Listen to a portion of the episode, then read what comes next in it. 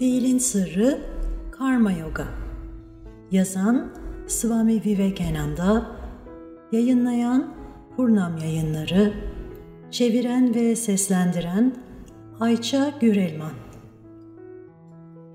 Üçüncü Bölüm. Fiilin Sırrı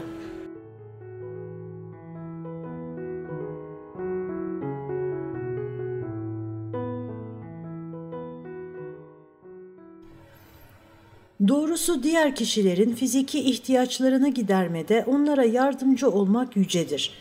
Ama ihtiyaç büyüdükçe ve yardım daha uzağa ulaştıkça yardım daha da yücelir.'' Bir kişinin eksikleri bir saat için ortadan kaldırılabilirse bu ona yardımcı olur. Eksikleri bir yıl boyunca ortadan kaldırılabilirse bu ona daha da fazla yardımcı olur. Ama bu kişinin eksikleri sonsuza dek ortadan kaldırılabiliyorsa elbette bu kişiye verilebilecek en büyük yardım budur.'' Spiritüel bilgi ıstıraplarımızı ebediyen yok edebilecek tek şeydir. Çünkü diğer tüm bilgiler eksikleri yalnızca belli bir süre için giderir.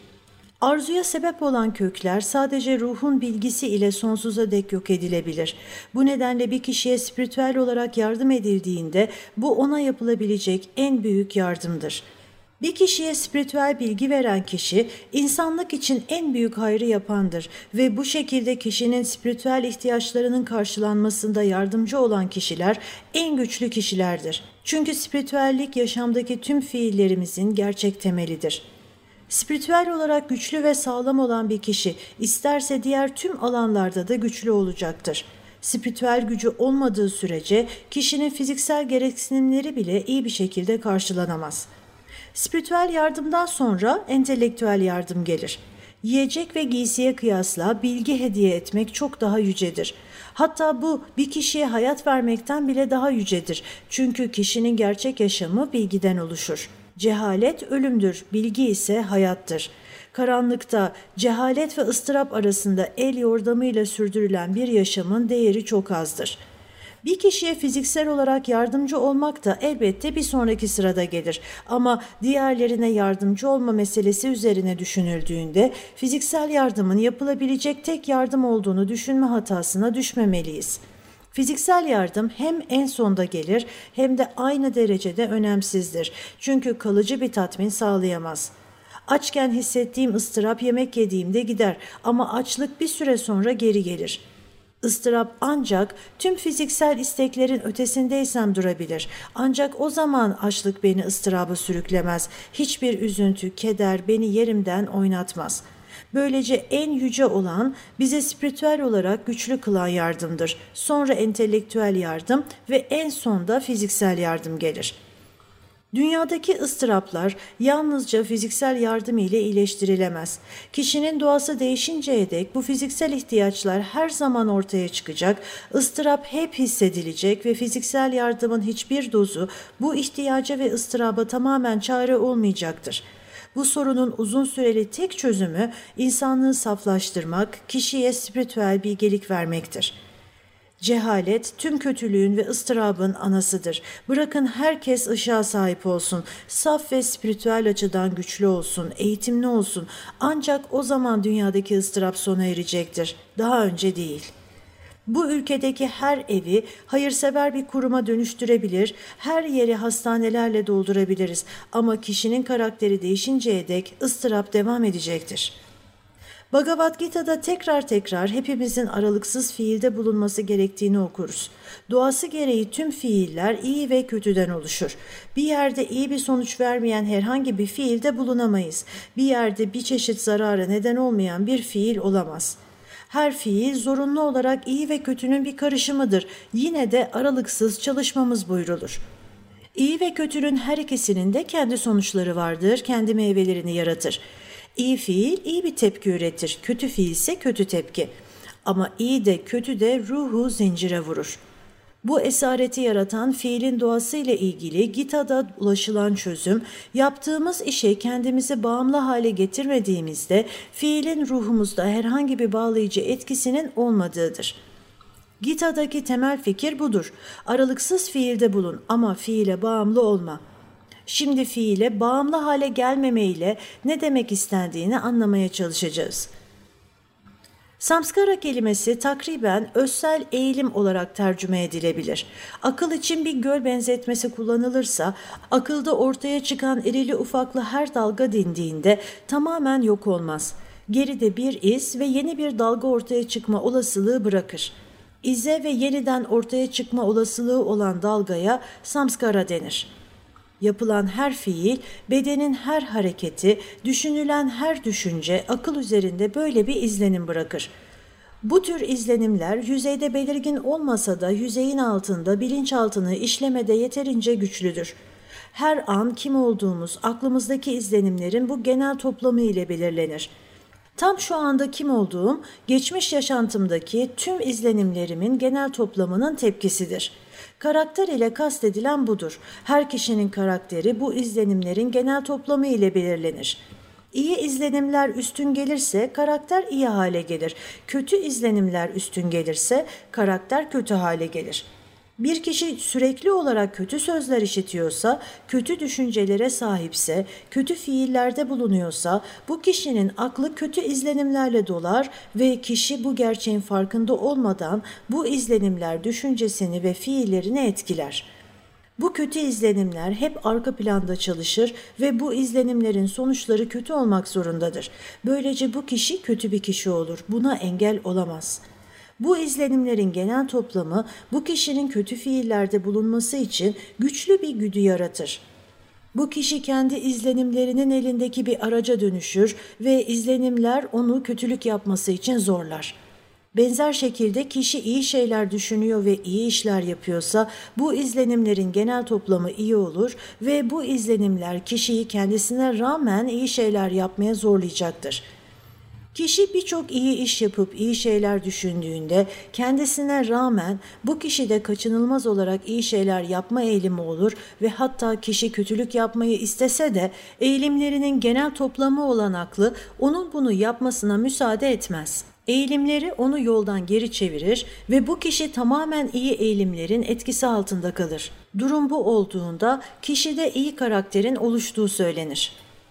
Kaplumbağa bir kez ayaklarını ve başını kabuğunun içine soktuğunda kabuğunu parçalara ayırıp onu öldürseniz bile nasıl ki kafasını dışarı çıkaramazsa kişinin kendi güdülerini ve organlarını kontrol altında tutan karakteri de değişmez bir şekilde yerleşir.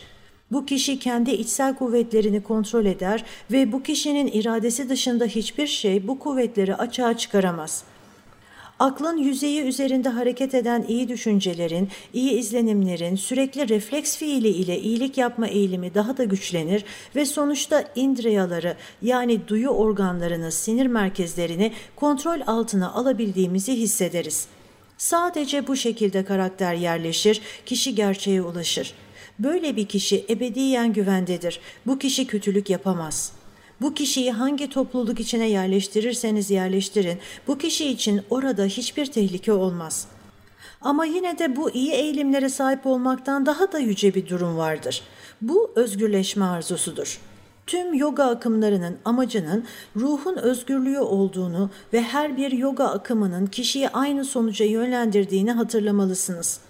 Buda'nın büyük ölçüde meditasyonla ve İsa'nın dua ile edindiğine sadece fiilde bulunarak ulaşabilirsiniz. Buda fiilde bulunan bir ginanidir. İsa bir baktadır ama aynı hedefe her ikisi de ulaşmıştır. Özgürleşme tamamen özgür olmak demektir. Kötülüğün esaretinden olduğu kadar iyiliğin de esaretinden özgür olmaktır.'' Zorluk buradadır. Altın bir zincirde tıpkı demir zincir gibi bir zincirdir. Parmağımda bir diken varsa bu dikeni çıkarmada başka bir diken kullanırım ama dikeni çıkardıktan sonra her iki dikeni de bir kenara atarım. İkinci dikeni kenarda tutmanın bir gereği yoktur çünkü sonuçta her ikisi de dikendir.'' O halde tüm kötülükler neredeyse tamamen kaybolana dek ve aklın bir köşesinde hizaya alınıp kontrol altına alına dek kötü eğilimler iyi olanlarla önlenmeli ve akıldaki kötü izlenimler iyi izlenimlerin taze dalgaları ile ortadan kaldırılmalıdır. Ancak daha sonra iyi eğilimlere karşı da zafer kazanılmalıdır. Böylece bağımlı olma, bağımlı olmamaya dönüşecektir.'' Fiilde bulun ama fiil ve düşüncelerin akıl üzerinde derin bir izlenim oluşturmasına izin verme. Bırak ufak dalgalar gelip gitsin. Bırak kaslardan ve beyinden büyük fiiller gelsin geçsin. Ama tüm bunların ruh üzerinde derin bir izlenim bırakmasına müsaade etme. Bu nasıl yapılabilir? Kendimizi bağımlı hale getirdiğimiz her bir fiilden izlenim kaldığını görürüz. Gün boyu yüzlerce kişiyi görürüm ve bu kişiler arasında sevdiğim birini de görmüşsem, aynı günün gecesi gördüğüm tüm yüzleri düşünmeye çalışsam da yalnızca tek bir yüz aklıma gelir.'' Bu yüz o gün belki de yalnızca bir dakika gördüğüm, sevdiğim kişinin yüzüdür. Ama diğer tüm yüzler gözden kaybolur gider. Bu kişiye olan bağımlılığım diğer tüm yüzlere kıyasla aklımda daha derin bir izlenime neden olur.'' Fizyolojik olarak izlenimlerin hepsi birbirinin aynısıdır. Gördüğüm yüzlerin her biri retina üzerine resmedilir ve beyin bu resmi içeri alır. Yine de akıl üzerinde bıraktıkları etkide hiçbir benzerlik yoktur.'' Yüzlerin çoğu belki de daha önce haklarında hiç düşünmediğim tamamen yeni yüzlerdir. Fakat bir anlığına gözüme ilişmiş olan bir yüz içeride bir çağrışım bulur.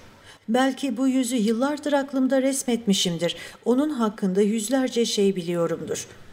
Bu yüzün yeni görünümü aklımda uyur durumda bulunan yüzlerce anıyı harekete geçirir ve bu tek izlenim tüm farklı yüzlerin toplamından belki de yüzlerce kez daha fazla tekrar edildiğinden akıl üzerinde büyük bir tepki oluşturur. Bu nedenle bağımlı olmayın. Her şey bırakın aksın. Beyin merkezleri bırakın işlesin. Aralıksız çalışın fakat her bir ufak dalganın aklınızı ele geçirmesine izin vermeyin.'' Bu topraklarda sanki bir yabancıymışsınız gibi, bir misafirmişsiniz gibi çalışın. Aralıksız çalışın ama kendi kendinizi zincire vurmayın. Zincire vurulma korkunçtur. Bu dünya bizlerin meskeni değildir. Yalnızca geçtiğimiz çok sayıdaki aşamadan biridir.'' Samkhya felsefesinin büyük söylemini hatırlayın. Doğanın tümü ruh içindir, ruh doğa için değildir. Doğanın varoluş nedeni ruhun eğitimidir. Doğanın başka bir anlamı yoktur. Doğa vardır çünkü ruhun bilgiye sahip olması gerekir ve ruh bilgi yoluyla kendisini özgürleştirir. Bunu her zaman hatırlarsak hiçbir zaman doğaya bağımlı olmayız. Doğanın okuduğumuz bir kitap olduğunu biliriz. Gerekli bilgiyi elde ettiğimizde bizim için kitabın artık bir değeri kalmaz. Ancak bunun yerine kendimizi doğa ile özdeşleştiririz.'' Ruhun doğa için olduğunu, ruhun beden için olduğunu ve sıkça söylendiği gibi kişinin yaşamak için yediğini değil, yemek için yaşadığını düşünürüz. Bu hatayı hep yaparız. Doğayı kendimiz olarak düşünür ve ona bağımlı hale geliriz. Bu bağımlı olma hali oluşur oluşmaz ruhun üzerinde derin bir izlenim yaratır. Bu izlenim bizi zincire vurur ve özgür olarak değil köle gibi fiilde bulunmamızı sağlar.'' Bu öğretinin temeli bir köle gibi değil, bir efendi gibi çalışmanıza dayanır. Durmaksızın çalışın ama kölenin işini yapmayın. Herkesin nasıl çalıştığını görmüyor musunuz?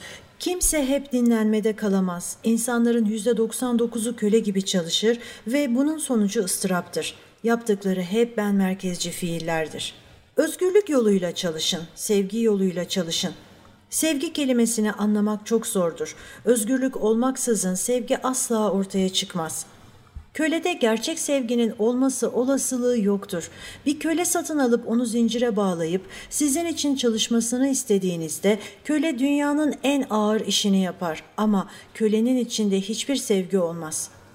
Dünyadaki fiillerimizi köleler gibi yaparsak bizim de içimizde sevgi olmaz ve yaptığımız iş gerçek bir iş değildir.'' Bu akrabalarımız ve arkadaşlarımız için yaptığımız işler için de, kendimiz için yaptığımız işler için de geçerlidir. Bencil amaçlarla yapılan işler köle işidir ve işin köle işi olup olmadığının testi şudur. Her sevgi fiili mutluluk getirir. Tepki olarak huzur ve kutsanmışlık sağlamayan tek bir sevgi fiili yoktur. Gerçek varoluş, gerçek bilgi ve gerçek sevgi ebediyen birbirine bağlıdır.'' Üçü birdir. Birinin olduğu yerde diğerleri de mutlaka olmalıdır. Gerçek varoluş, gerçek bilgi, gerçek mutluluk birbirine ebediyen bağlıdır. Üçü bir aradadır. Biri olduğunda diğerleri de olmalıdır. Onlar eşi olmayan tek olanın varoluş, bilgi, mutluluğun üç yönüdür.'' Göreceli hale geldiğinde varoluşu dünya olarak görürüz. Sırası geldiğinde bilgi dünyadaki nesnelerin bilgisine dönüşür ve mutluluk kişinin kalbinde olduğu bilinen tüm gerçek sevginin temelini oluşturur.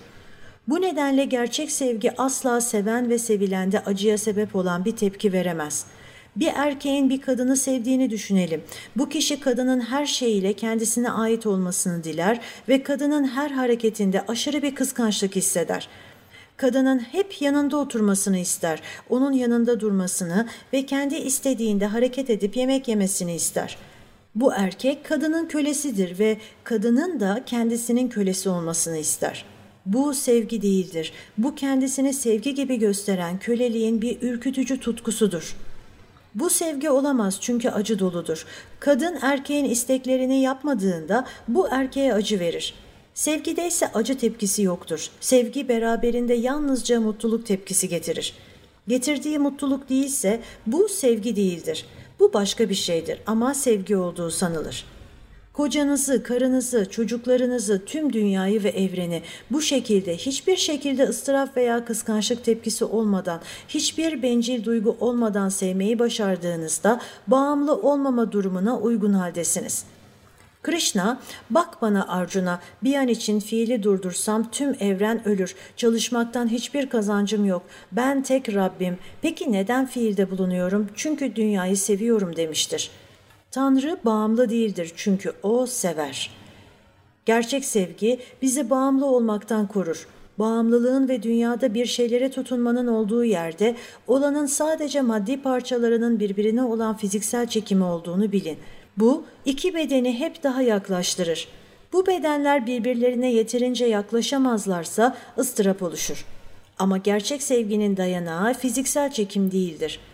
Bu tarz sevgililer birbirlerinden binlerce mil uzakta olsalar da birbirlerine olan aşkları hep aynı kalır, sevgileri ölmez ve asla acı dolu bir tepki oluşturmaz.''